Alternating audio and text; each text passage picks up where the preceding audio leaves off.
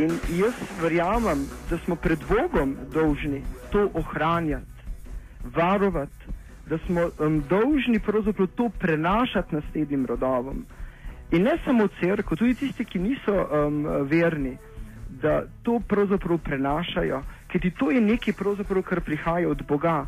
Slovenstvo, tisto temeljno slovenstvo, kar je v srcu vsakega slovenca, se mi zdi, da je to um, en dar. In um, ta dar naj bi ohranjevali in širili in podajali.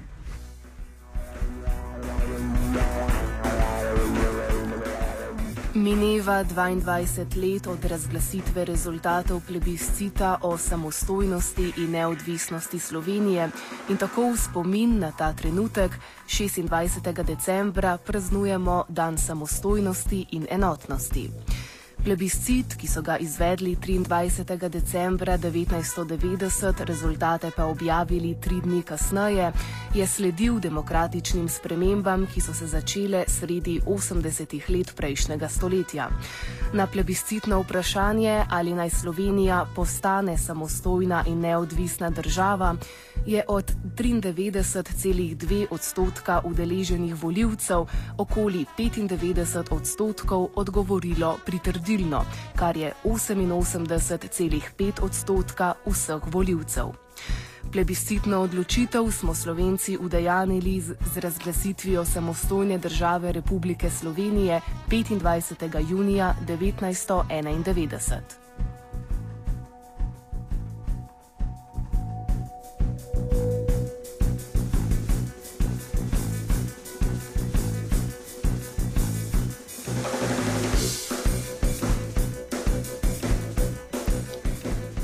spregovori o trenutku, ki ga obeležujemo danes, smo poprosili Andreja Magajno, predsednika krščanskih socialistov, ki je bil v letih od 1990 do 1992 v okviru koalicije Demos poslanec v prvi skupščini Republike Slovenije.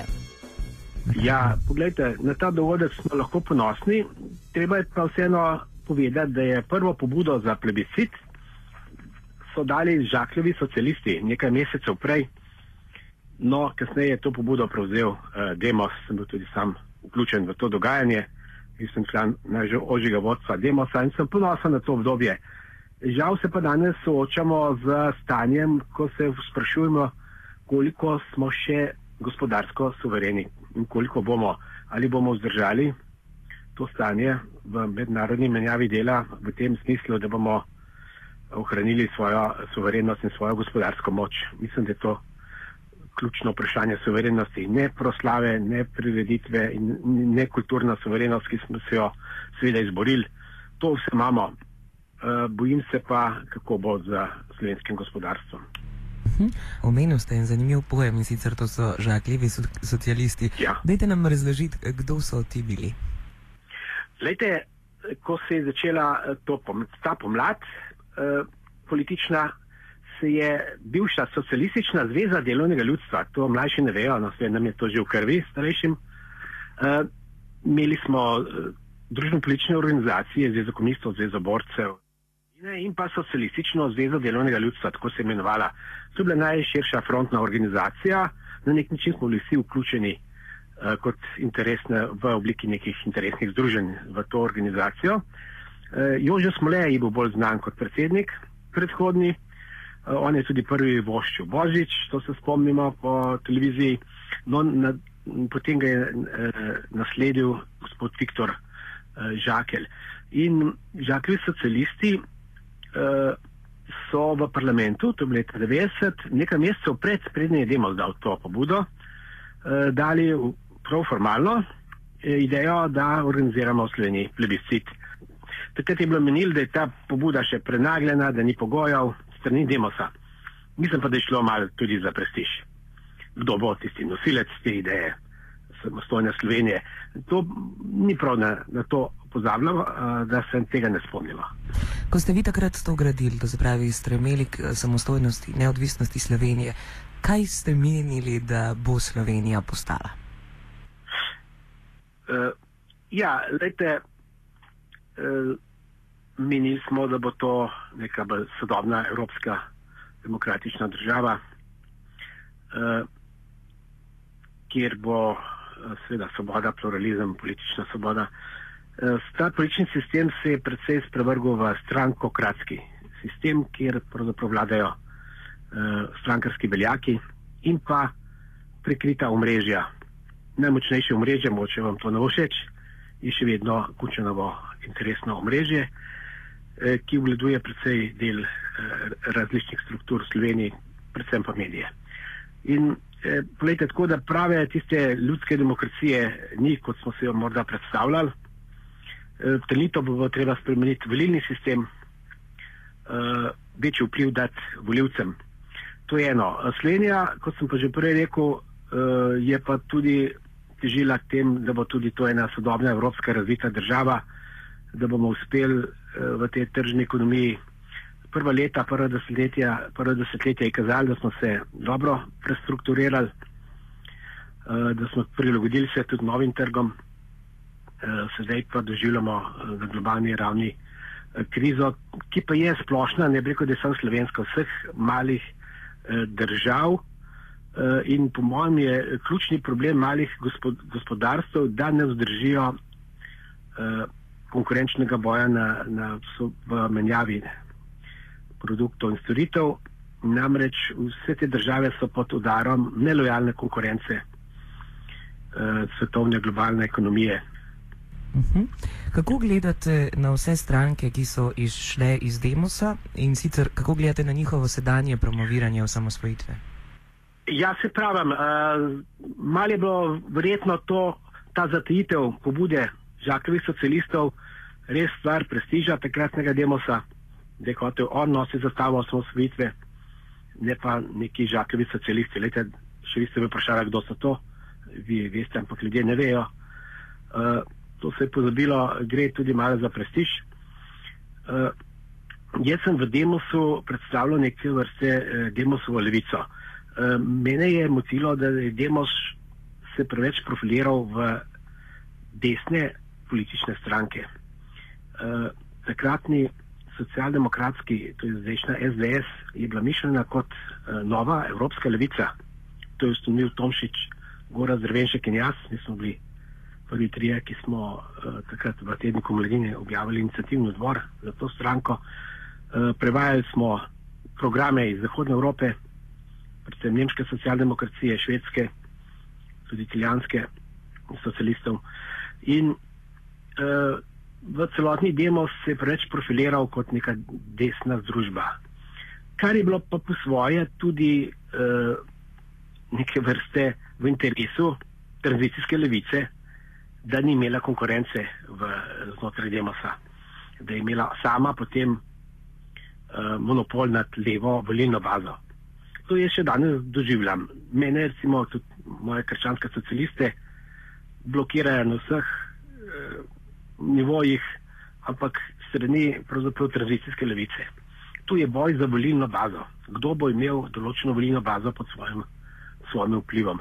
To se pravi, ta trend, da v Demosu ni bilo možno neke nove evropske desnice, levice uveljaviti, je bil torej po enem strani v interesu tranzicijske levice, in pa tudi militantne desnice, ki v, v levici znotraj Demosa sploh ni hotela slišati.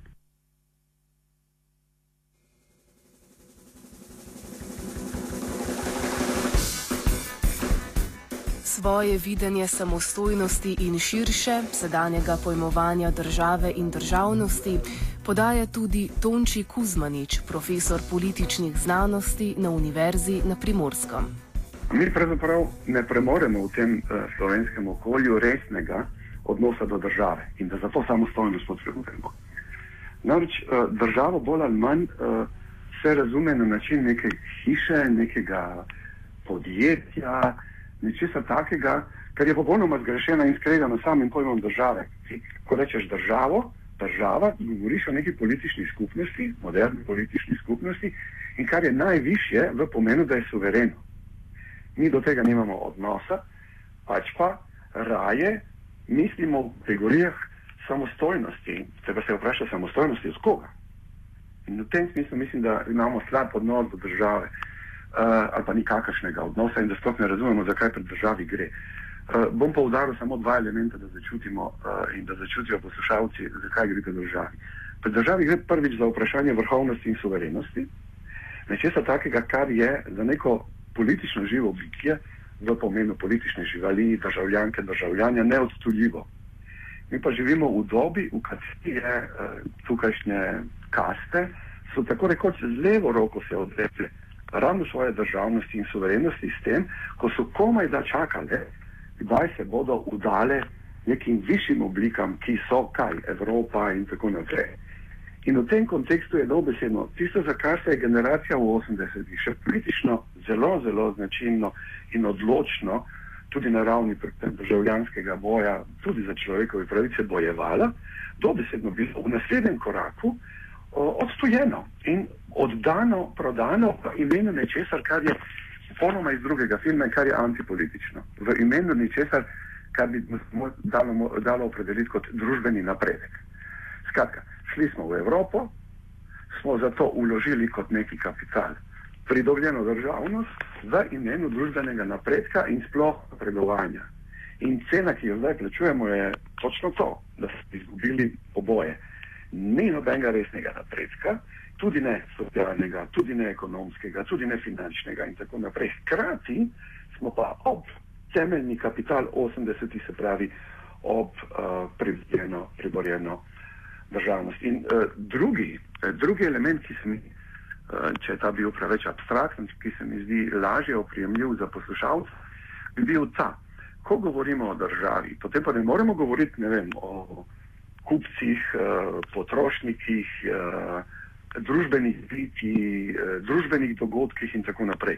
Več takega ne pride v poštev. Dobro se govori o državi in država funkcionira izključno pod pogojem, da imamo opravka z državljankami in državljani.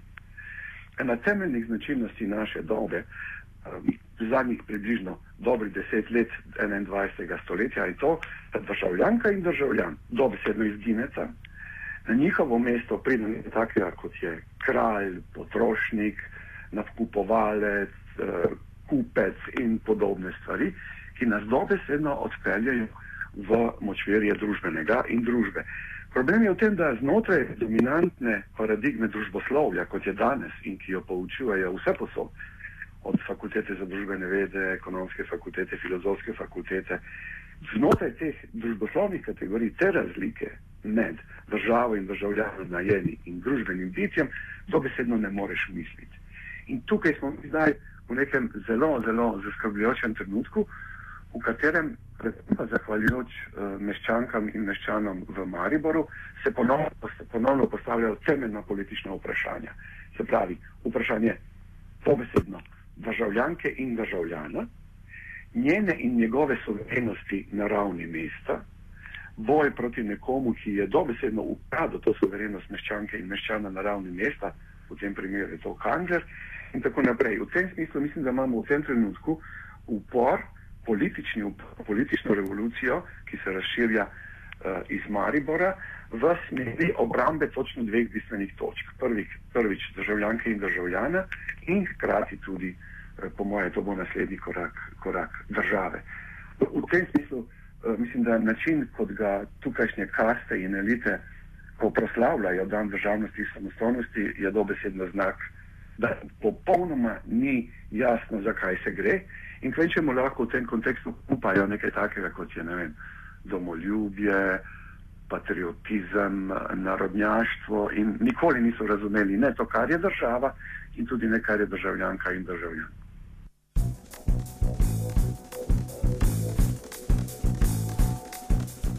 Offside je pripravila Polona.